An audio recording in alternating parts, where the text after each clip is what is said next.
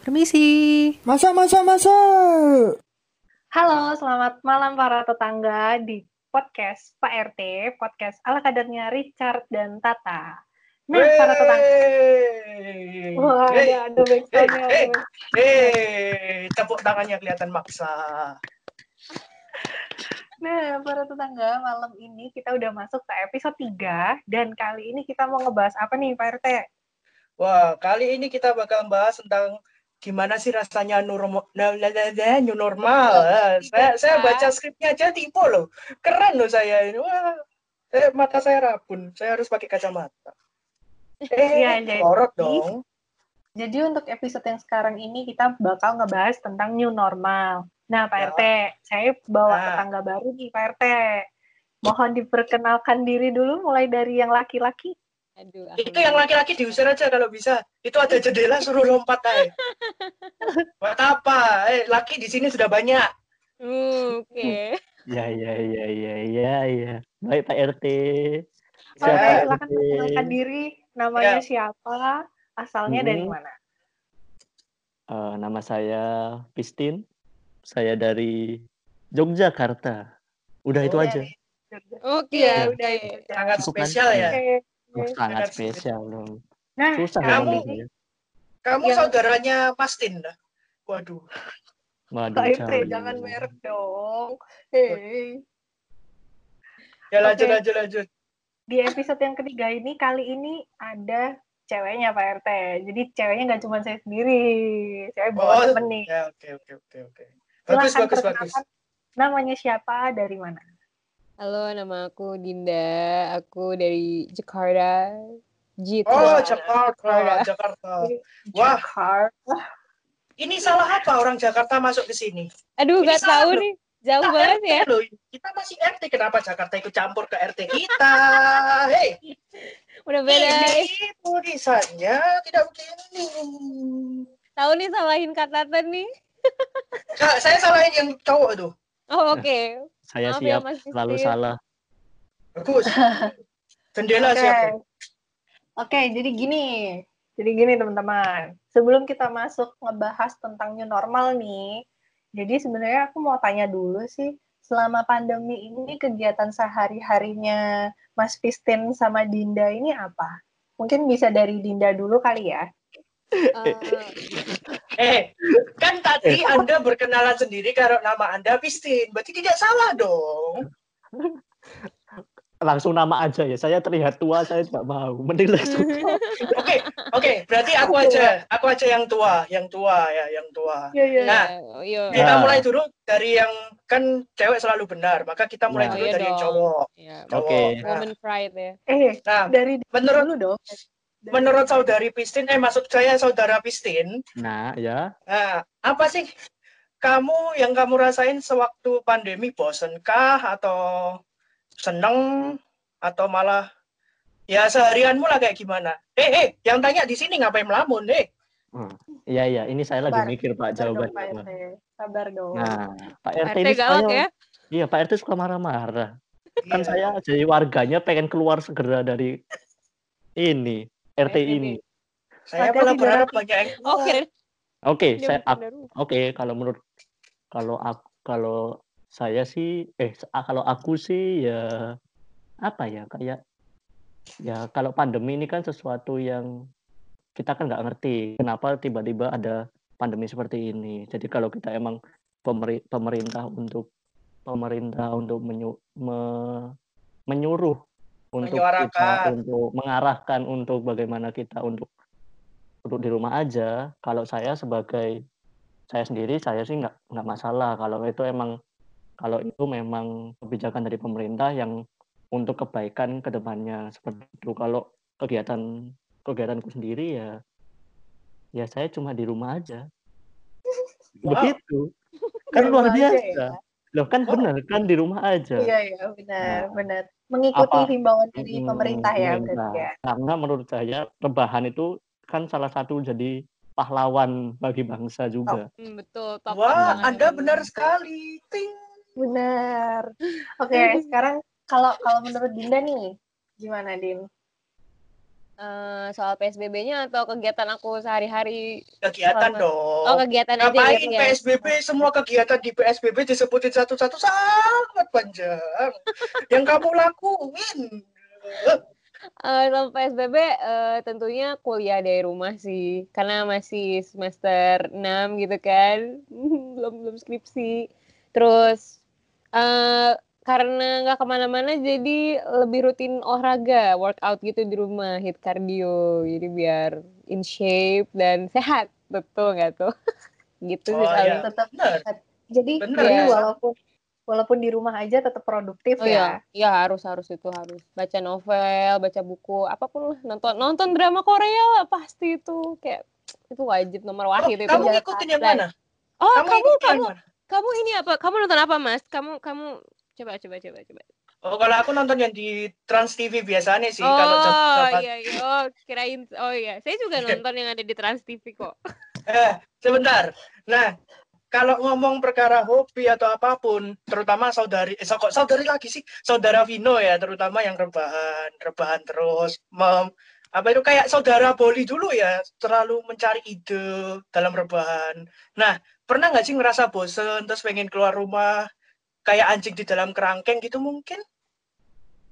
Hmm, kalau saya emang kan ini prosesnya itu kan dulu kan pertama itu kan emang sesuatu pas pertama benar-benar diarahkan untuk di rumah aja kan pasti kita semua belum biasa banget nih belum biasa. Tiba-tiba tiba-tiba kita disuruh di rumah aja. Kita juga pun kalau pas dua minggu pertama itu pun kalau kalau aku aku sih ngerasainnya kalau pas pertama itu ya masih kayak takut banget nih sama corona ini. Jadi kayak bener-bener kayak jadi kayak ih gila ini ini tuh ini banget loh. Tapi emang Serem gitu ya. eh, eh, serem banget kan karena itu sesuatu yang belum biasa. Jadi kayak emang di rumah aja kayak bener-bener ya udah aku di rumah aja. Karena aku tuh bener-bener kayak ya nah aku sih kayak merasa takut gitu. Jadi belum biasa sama keadaan itu.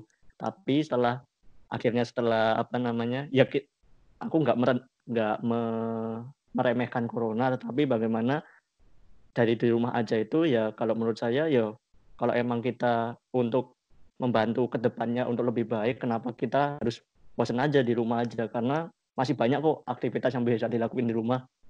Kayak misalkan ngobrol-ngobrol sama temen via Zoom atau kita juga bisa kayak tadi si Dinda baca novel, ba- no- nonton Korea dan yang lainnya. Kan masih banyak hal-hal produktif yang bisa dilakukan kayak gitu.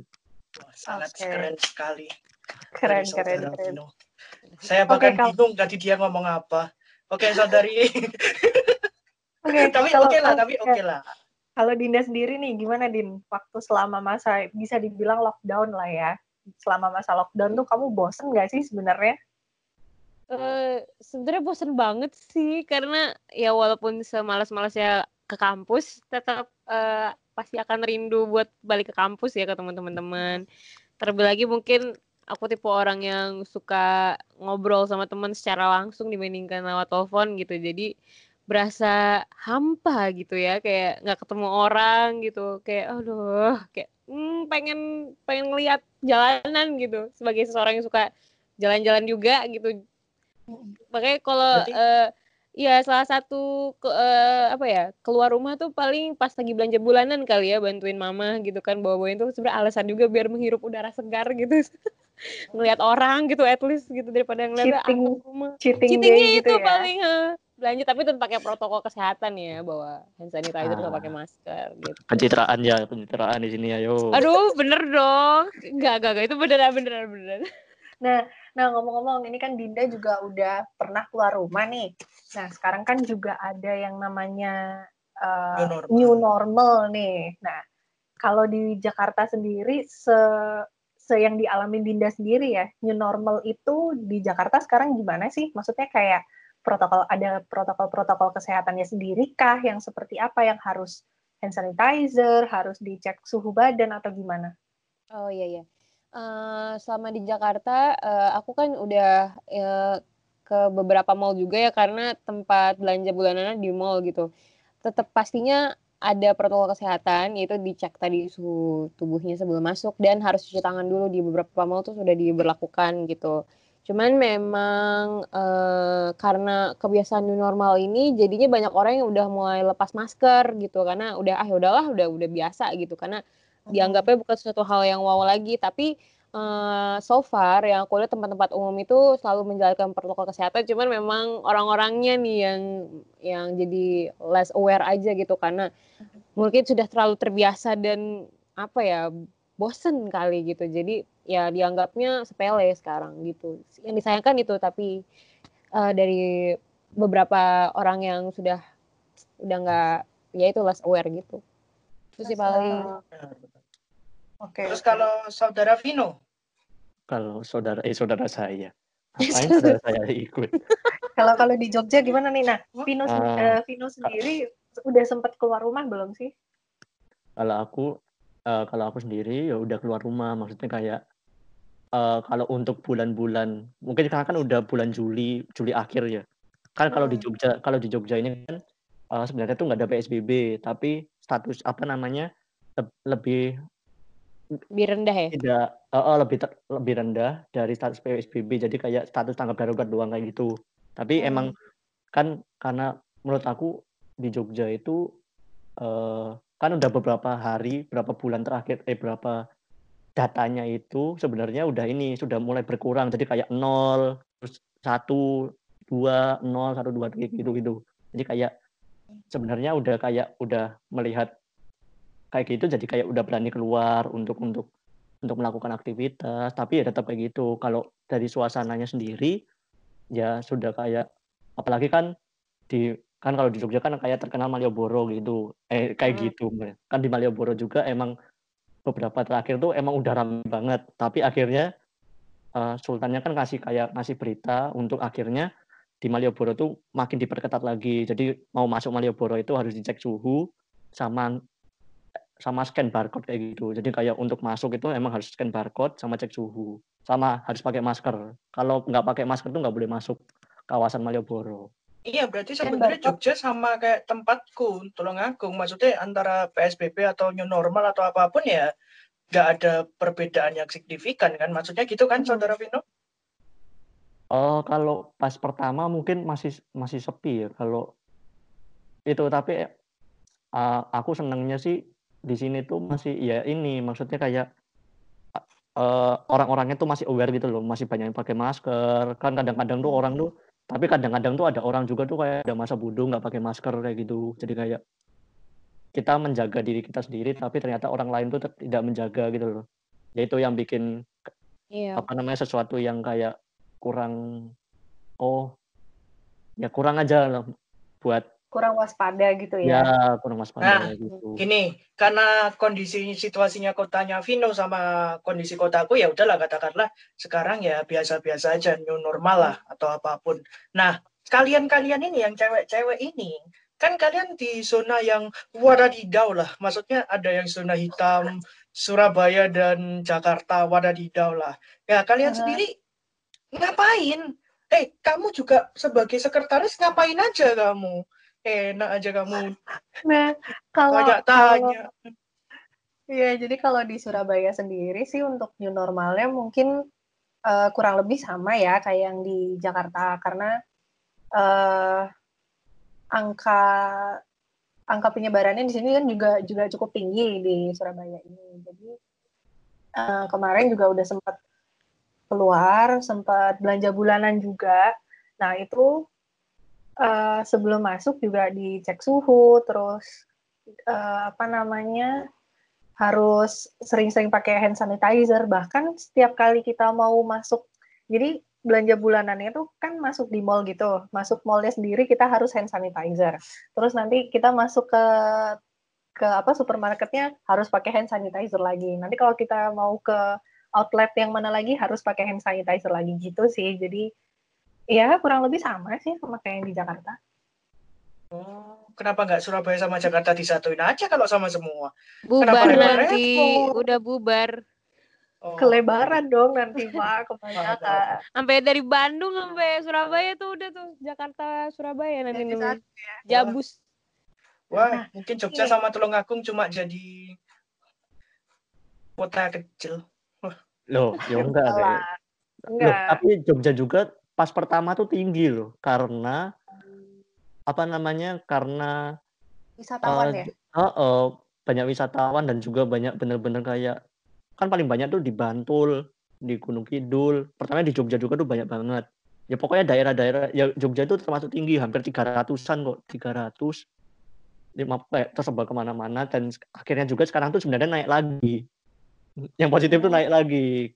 Karena Ya, ya tapi- itu biasa dari Tapi kota. emang uniknya di situ karena kayak misal Jogja katakanlah emang karena fokusnya di wisatawan ya mungkin terus datang Hmm. dari luar akhirnya masuk Jakarta karena kota besar terus waktu dulu kan permulaan banget itu ada acara akhirnya kena Surabaya dari perpindahan dari Jakarta Jawa Tengah juga kena tolong aku nggak salah apa-apa diem aja kan kena Ya, keren karena mungkin mungkin kan memang apa ya? Ya bisa dibilang eh, masa pandemi ini kan bukan sesuatu yang sepele gitu loh. Maksudnya buktinya di kota-kota kecil pun juga ada yang kena gitu. Nah, itu uniknya. Makanya sekarang kan eh, gimana sih selama ini kan new normal. Tapi sebelumnya kalian tahu nggak sih new normal? Kita bahas new normal. Tapi kalian paham nggak new normal itu Iya. apa? Loh, kan Benar. loh, kalau kalau di Jogja ini sebenarnya belum masuk new normal. Oh Ya belum. udah, belum masuk. Jogja itu masih status tanggap darurat. Tanggap darurat. Mm-mm. Kasusnya berapa kalau boleh tahu? Embuh. Kok tadi Eh. nggak tanya? Anda tadi nggak tanya. Ya, enggak, kisaran Ya, yang aku- kamu tahu, yang Anda tahu berapa? Kira-kira, kira-kira, kira-kira. Paling 70-an. 70, Oh, dikit. 60. Termasuk dikit. ya. 70, 60, 80.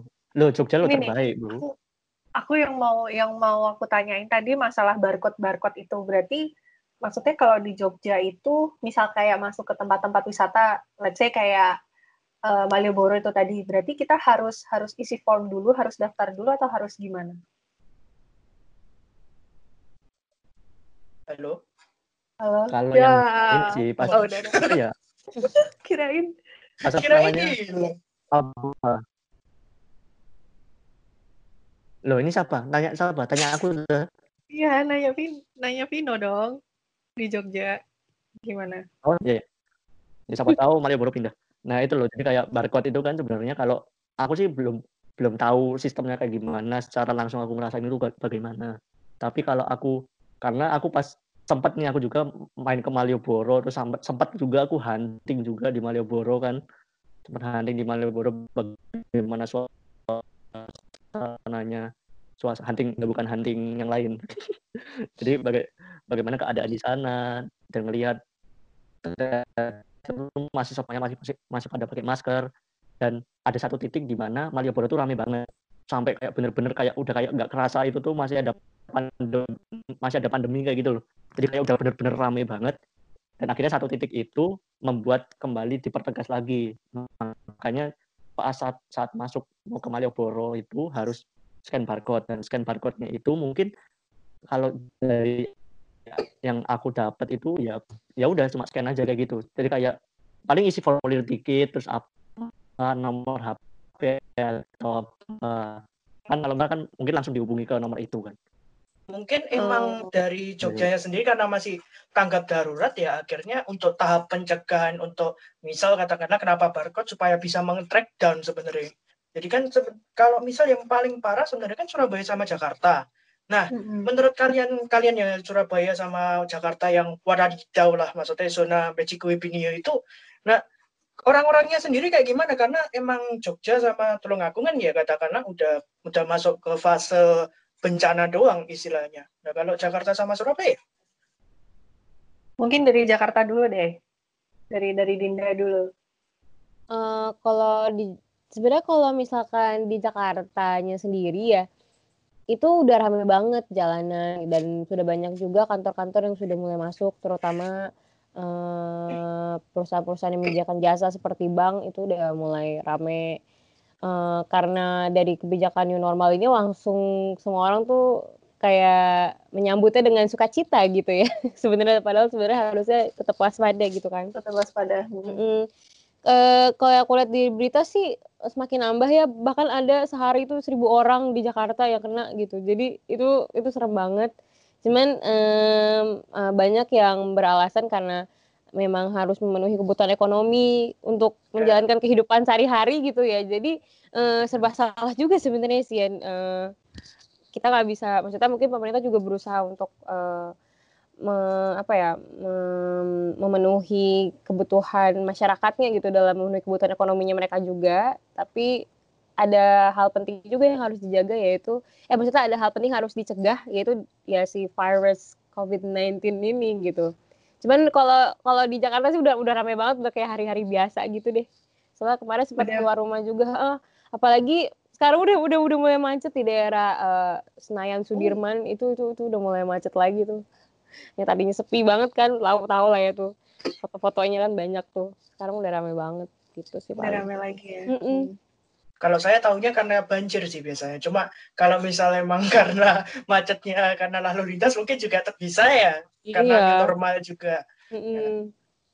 Paling gitu sih. Iya. Emang kalau kalau aku yang di Surabaya sih dibilang rame sih ya rame ya hari-hari biasa karena kalau aku sendiri sebenarnya jarang keluar kalau malam justru keluarnya sore menjelang malam kayak gitu. Nah, Eh, kalau orang-orangnya sendiri sih ya udah udah lumayan rame, udah bisa beraktivitas seperti biasa. Cuman memang kalau di Surabaya itu masih diberlakukan yang namanya jam malam. Jadi Hmm. setiap jam 9 ke atas kalau nggak salah, setiap jam 9 ke atas itu pasti ada yang namanya obraan kalau di Surabaya. Kalau orang Jawa bilangnya obraan. Jadi eh, warung-warung atau eh, restoran-restoran itu eh, dihimbau untuk segera tutup gitu. Jadi eh, apa meminimalisir banyaknya orang lah di situ gitu. Oh, kalau kalau di Jakarta tuh sebenarnya nggak ada obraan kayak di Jakarta, eh, kayak di Surabaya ya. Cuman kayak beberapa tempat itu tutup lebih awal. Kayak misalkan restoran cuma bisa boleh sampai jam 8 malam. Ada beberapa restoran dan mall juga gitu. Sama ini eh, shift kerja karena mamaku kan kerja di bank. Jadi biasanya tutupnya jam 5, ini tutupnya jam 3 gitu. Jadi udah udah harus tutup gitu. Jam 3 tuh udah close, udah nggak boleh ada customer lagi. Mohon Paling gitu. maaf nih. Mohon maaf nih ya. Mohon maaf. Saya RT? bingung. Kenapa kok saya nggak ditanyai terus? Oh Saya iya. tanya-tanya terus. Kenapa saya tidak ditanyai? Saya ini RT Oh ya di Bayang. di Tulung Agung gimana nih keadaannya memang Pak RT? Habis habis saya begini sudah- Pak RT, Pak RT tadi bilang di sana kan kurang ini, kurang greget lah Heeh. dalam tanda kutip. Jadi saya kita pikir baik-baik aja di Tulung Agung ya. Ya juga ya. Kenapa sekarang malah pengen tinggi-tinggian kasus COVID, Re? Tahu.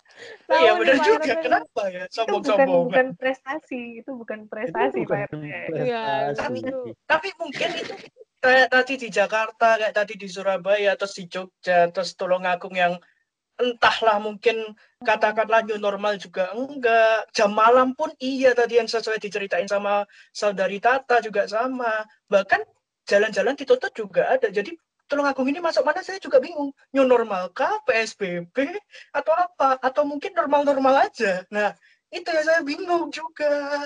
Terus setelah dapat pengetahuan-pengetahuan kayak gini juga ya menambah lah setidaknya. Tapi tapi gini yang unik lagi. Maksudku dengan new normal, so- sorry sorry, maksudku kayak PSBB new normal, terus kayak anjuran pemerintah kalian pakai masker, hand share itu, terus pakai masker. Nah, menurut kalian sendiri, apakah itu efektif sama beberapa orang di tempat kalian sampai sekarang? Kan pertumbuhannya tuh ya bukan dibilang prestasi juga enggak, tapi pecah rekor. Mungkin masuk rekor muri 1900 kemarin. Nah, tempat kalian sendiri kira-kira masih aware enggak? Biasanya yang zona pelangi sih harusnya yang ditanya. Mana pelangi, iya sih. Dari Jakarta dulu coba. Eh, di lingkungan rumah aku berarti ya yang yang terdekatnya aja ya. Ah, yang terdekat aja. Eh, so far di rumah aku itu ada suka ada ini. Jadi misalkan di depan eh, pintu gerbang masuk perumahan tuh kalau misalkan nggak keluar mas eh nggak keluar mas nggak pakai masker nggak boleh keluar gitu. Dan yang mau masuk ke perumahan juga eh kompleks sih perumahan komplek. Kalau misalkan masuk ke komplek itu kalau nggak pakai masker nggak boleh. Cuman sayangnya itu nggak diberlakukan setiap hari. Jadi itu cuma kayak weekend aja. Sayangnya itu yang kurang sih.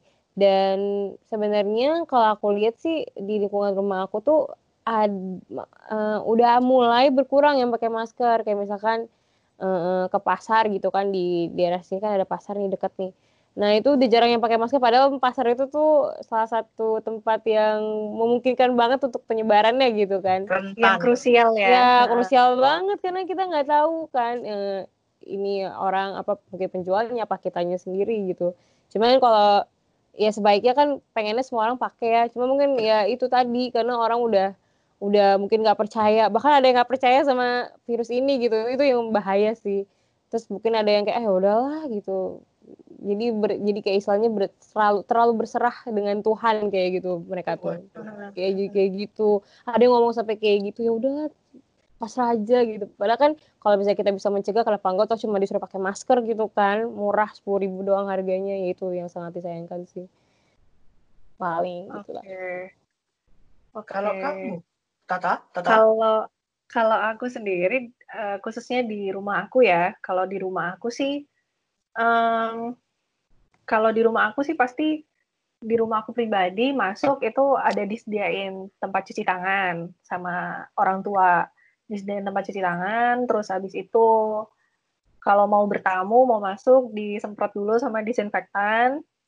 Terus habis itu ya udah sih. Cuman uh, ini sih portal keluar masuk gang gitu ya kalau di rumahku portal keluar masuk gang itu jadi cuma satu pintu aja. Nah biasanya kan dua pintu tuh dibuka portal depan sama portal belakang. Nah ini tuh cuma salah satu portal aja gitu. Jadi untuk meminimalisir orang yang bisa keluar masuk sih. Jadi lebih diutamakan untuk warga aja yang masuk ke gang itu. Nah cuman yang disayangkan itu anak-anak kecilnya sih justru. Anak-anak kecilnya itu mereka masih pada sering banget main di gang di jalanan gang itu.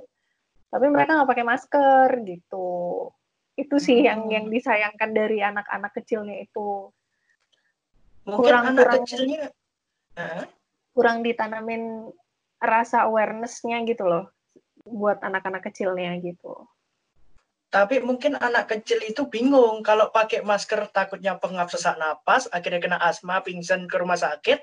Kalau nggak pakai masker, kena covid juga ke rumah sakit. Ujung-ujungnya yang penting nggak usah main. Nah, kalau iya sih, kalau tapi, saudara tapi mungkin mungkin uh -huh. jadi kayak peran orang tua itu jadi penting ya menurut aku gitu. Uh, ya, anak-anak kecil yang di tempat aku tuh banyak banget, super duper banyak bisa dibilang gitu.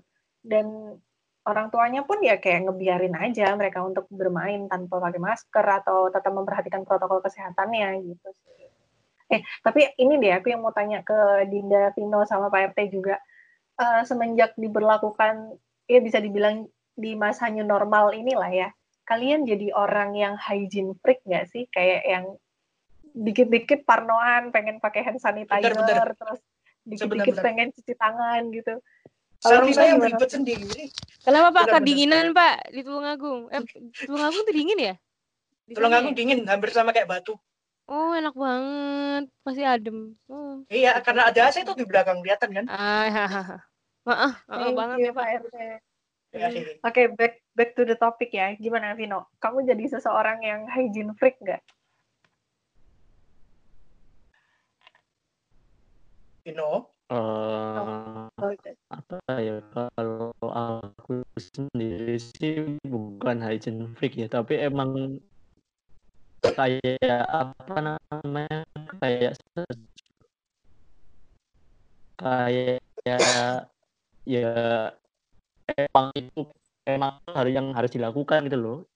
Mau apa mencegah kita sering kan mungkin mungkin kayak ya Parno sih enggak ya Parno sih enggak tapi emang kayak jadi kayak Parno gitu enggak tapi emang lebih mencegah lebih ini kayak cara untuk menjaga diri aja jadi kayak hmm. kalau habis pulang habis pergi kayak gitu habis pergi langsung bajunya bajunya enggak langsung taruh dulu kan biasanya langsung di kasur langsung lempar atau gimana yeah. tapi kalau sekarang tuh malah lebih lebih kayak kayak dijemur dulu atau ditaruh di dicuci gitu ya? dulu kayak gitu kalau enggak langsung di dicuci terus habis pulang tuh langsung mandi kayak gitu jadi kayak ya emang lebih sering mandi sih sekarang jadi kayak kalau habis keluar dikit mandi keluar dikit mandi kayak gitu Wah, Oh, ternyata oke. pengakuan ya selama ini gak pernah Jadi Jarang mandi. mandi. bukan Jarang mandi, pengakuan. sih. Kalau menurutku ya ya bukan bukan pengakuan jarang mandi. I- Ya mandi mandi mandi jadi tapi formalitas dulu.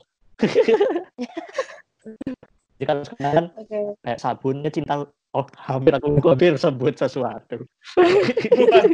Aduh, yang disebut. Kita belum dibayar, belum ada yang Saya endorse. cinta sabun. Saya sebut kehidupan laki-laki.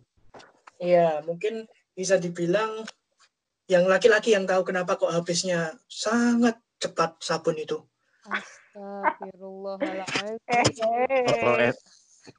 Kalau kalau, itu Anda Maksudnya kan kayak misal untuk membersihkan tangan atau Oh, apa pun. gitu ya, Mas. positive thinking. Oke, Positive kalau. Dinda, kalau Dinda gimana? Jadi seseorang yang hygiene freak nggak? Eh, sebenarnya dari dulu aku tuh udah hygiene freak ya sebenarnya. Jadi dari sebelum Oke. COVID-19 ini, Kak Tata sebagai saksi hidupku, aku selalu membawa hand sanitizer ke mana-mana. Jadi pas kata di Jakarta nih, kayak dia pasti akan melihat aku tuh akan bawa hand sanitizer, tisu basah, tisu kering, semua hal itu aku bawa. Tapi Ya kita Ya. 11-12 lah ya Dinda. Iya, iya. Cia mungkin karena cewek kali ya. Jadi kayak Hmm. ya kita lebih ya pengen bersih aja gitu kayak semua hal pasti dibawa dalam tas gitu. Tapi cuman emang emang ya kalau jadi parno sih eh, hmm, cukup parno juga, cuman nggak yang eh, jadi yang annoying gitu yang Hmm. sampai nggak mau kesenggol orang dikit tuh kayak oh iya iya iya no no nggak nggak yang kayak gitu. Cuman kalau emang hab- habis dari luar itu pasti harus mandi. Ya Mas Mi- Hmm. Mas siapa nih? Lupa lagi gue namanya. Mas Pistin. ayo. Mas Christine. Cuman kalau di rumah nggak usah mandi, nanti aja sore biasanya mandi sore, mandi pagi. Ya, Nunggu disuruh ya. Eh, nunggu disuruh kalau di rumah aja mau ngapain mandi dua kali. di rumah ngapain mandi? Setuju. Iya Oh dong. ya bagus bagus bagus. Kan, bagus. Mandinya Kan sore tidak aja. bersentuhan dengan siapa-siapa. Mm-mm. Cuman kalau habis Kalau mandi. Kalau Verti Ya. gimana Verti? Oh, kalau saya kalau mandi jangan ditanya. Saya selalu mandi terus, selalu menjaga kebugaran tubuh juga. Cuma yang jadi mungkin fokus utamaku ya, fokus utama saya. Fokus utama saya itu kalau misal keluar rumah. Nah, kalau ditanya bosen, saya bosen tipe orang yang saya suka ngeluyur. Nah, kalau bosen sangat bosen akhirnya keluar rumah sama teman tapi protokol kesehatan ini ketat bukan hygiene apa namanya tadi saya gak bisa bahasa. Inggris nah bukan kayak gitu maksudku keluar pakai hand sanitizer pakai masker. Kalau mau naik mobil harus pakai hand sanitizer harus disem- disemproti. Jadi ya sangat menekankan itulah. Karena aku keluar sama temanku ya aku bawa nyawa orang. Gak mungkin kena corona berjamaah di dalam mobil kan? Hmm. Nah, apalagi tapi kalau misal eh, kalau misal tadi kayak ada yang tiba-tiba kesenggol nyemprot temenku ada sih yang sampai kayak gitu. Oh. maksudku sampai separah itulah sampai separno itulah. Hmm. Dikit-dikit kalau megang apa pun pakai hand sanitizer jadi sterilnya benar-benar tinggi mungkin rumahnya itu disemprot desinfektan semua itu termasuk hewannya hewan peliharaan semua disemprot mungkin gak ada yang tak Metong dong. Metong dong Mbak RT. Nah, juga, Terus kalau iya. kalian kalian sendiri sebenarnya udah siap belum sih untuk ada di fase yang bisa dibilang new normal ini? Jadi kayak kalau mau ke mall atau mau ke mana harus ada protokol kesehatannya. Sebenarnya kalau dari kalian sendiri siap nggak sih? Dari Vino dulu mungkin. Kalau aku sih ya eh, siap ya itu kan eh, kalau kalau dari aku sendiri ya siap. Jadi kayak udah oh maksudnya kayak gini loh. Jadi kan kita tahu penyebarannya itu dari apa aja. Misalkan dari dari misalnya bersentuhan kan sudah dianjurkan juga.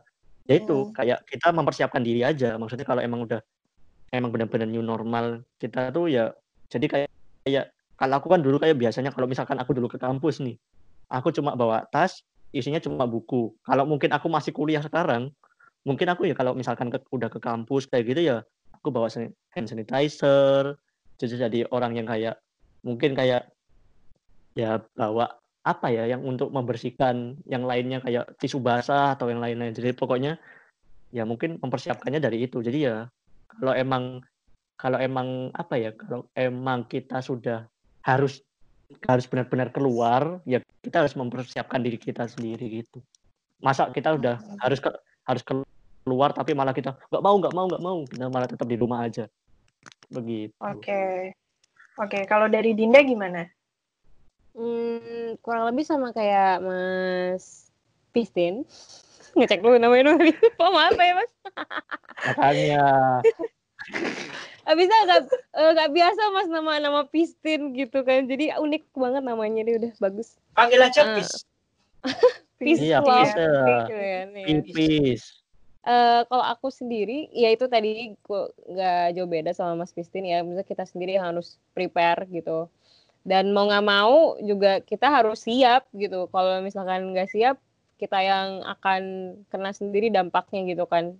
Em, ya mulai dari hand sanitizer kan sekarang udah udah mulai murah nih harganya nih. Jadi em, ya masa itu jadi alasan kita nggak beli hand sanitizer gitu. Toh juga eh, kalau misalnya kita pergi ke tempat umum, eh, ya mungkin ada beberapa juga sih yang nggak nggak nggak nyedi- nyediain. Tapi kalau misalkan ada ya pakai juga dari sana juga nggak apa-apa, menghemat punya kita sendiri. itu sih. kalau ke mall tetap bawa, ya kalau kamu tetap bawa, cuma kagak pakai punya gue, pakai aja di mall gitu. Ekonomis ya. Mama, iya biasa lah, cewek mama kan kita ekonomis gitu. Ya pokoknya intinya selalu tetap bawa hand sanitizer sama pakai masker. Terus kalau disuruh cuci tangan udah nurut aja gitu loh.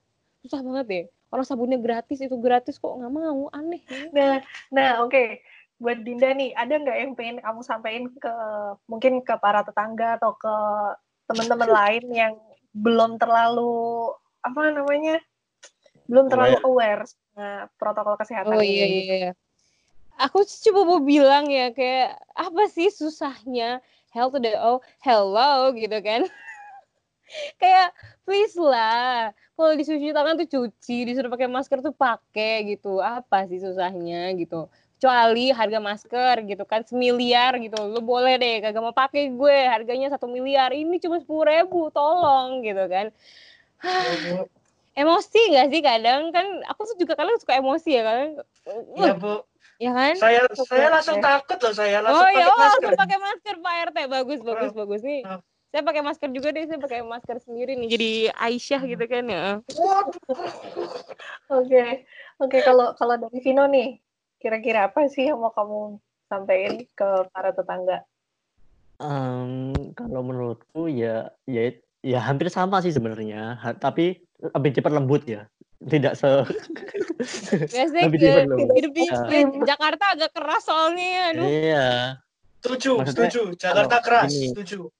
sorry sorry ya tadi mungkin menurutku ya kayak ya mungkin kita tuh kita menjaga kita sudah menjaga tapi belum tentu tuh orang lain tuh punya yang apa yang kita rasain dulu jadi kayak sesuatu yang aware apa yang kayak kita rasain. Kan ada beberapa orang kayak yang tidak percaya atau apa itu tapi mungkin ya apa pun itu jangan meremehkan lah. Karena emang ini tuh seben- ya aku kayak ya ini tuh ya benar-benar ada penyakit ada penyakitnya gitu loh. Jadi emang udah dianjurkan untuk pakai masker. Karena ada beberapa orang juga kan kalau pakai masker wah nggak biasa pakai masker tapi taruhnya di sini kan ya aneh kan hidungnya di sini bukan di sini kan Oke, gitu.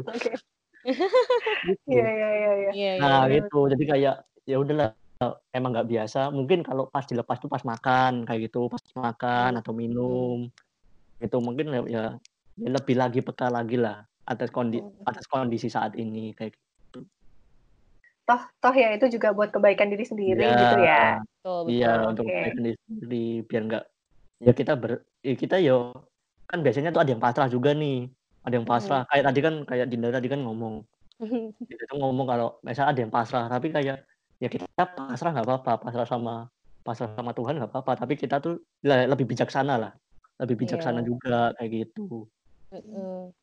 soalnya Oke. kan iya Tuhan juga nyuruh Ah. kita buat usaha gitu kan selain pasrah kita betul. usaha gitu Oke. saya tepuk tangan untuk kipas Dinda wah masya Allah ya Jadi gimana sih? Oke, ini episode kali ini menarik ya. Maksudnya kita bahas eh, tentang konsepnya normal, protokol-protokol yang kayak gimana sih yang diberlakukan di tiap-tiap kota yang ada di Indonesia gitu ya.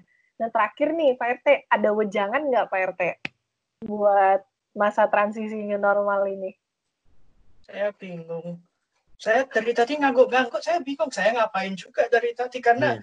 semua sudah dijelasin. Jadi ya wejangan-wejangan itu ya ya udah disampaikan semua sih. Interupsi, interupsi, interupsi, interupsi. Saya Iya, bingung gimana? mau killing apa yang mau dikomen sudah itu sudah semua. Oh, kalau Eh, gitu saya oh. interupsi, saya interupsi, interupsi. Ini Gimana? Pak, Pak RT-nya pakai kaos tuh jadi tidak terlihat ber- berwibawa. Jadi gini, Harusnya ya, pakai batik dong. saudara Vino, gini. Eh, Saudara Vino, kenapa kok saya pakai kaos? Karena saya itu orang gaul, saya bertemannya sama orang Jakarta-Jakarta. Jadi saya juga harus itu Enggak, harus. Pak RT-nya ini pengen ala-ala millennials gitu Oh. loh. Hmm, jadi eh, biar menyatu ya Pak ya. Iya, kita kan harus menyatu. Nah, satu Iya. lagi yang penting, satu lagi yang penting. Kan kalau misal tadi ada Vino sama si Dinda itu kan ngomong tadi udah bener, terus harus concern, harus apa. Cuma permasalahannya kadang eh, orang juga nggak bisa dipaksakan. Yang penting fokus kita cuma bisa memberikan contoh sih. Iya. itu ya mungkin itu toh jadi kalau misal kalian percaya ya udah lakuin yang kalian percaya aja kalau pakai masker bener ya udah pakai masker aja yang penting kita memberikan contoh yang baik jangan memberikan contoh yang buruk tiba-tiba tiba-tiba kita memberikan masker ternyata isinya virus Wah, Oke. oh, Oke, Tapi kan- seru banget.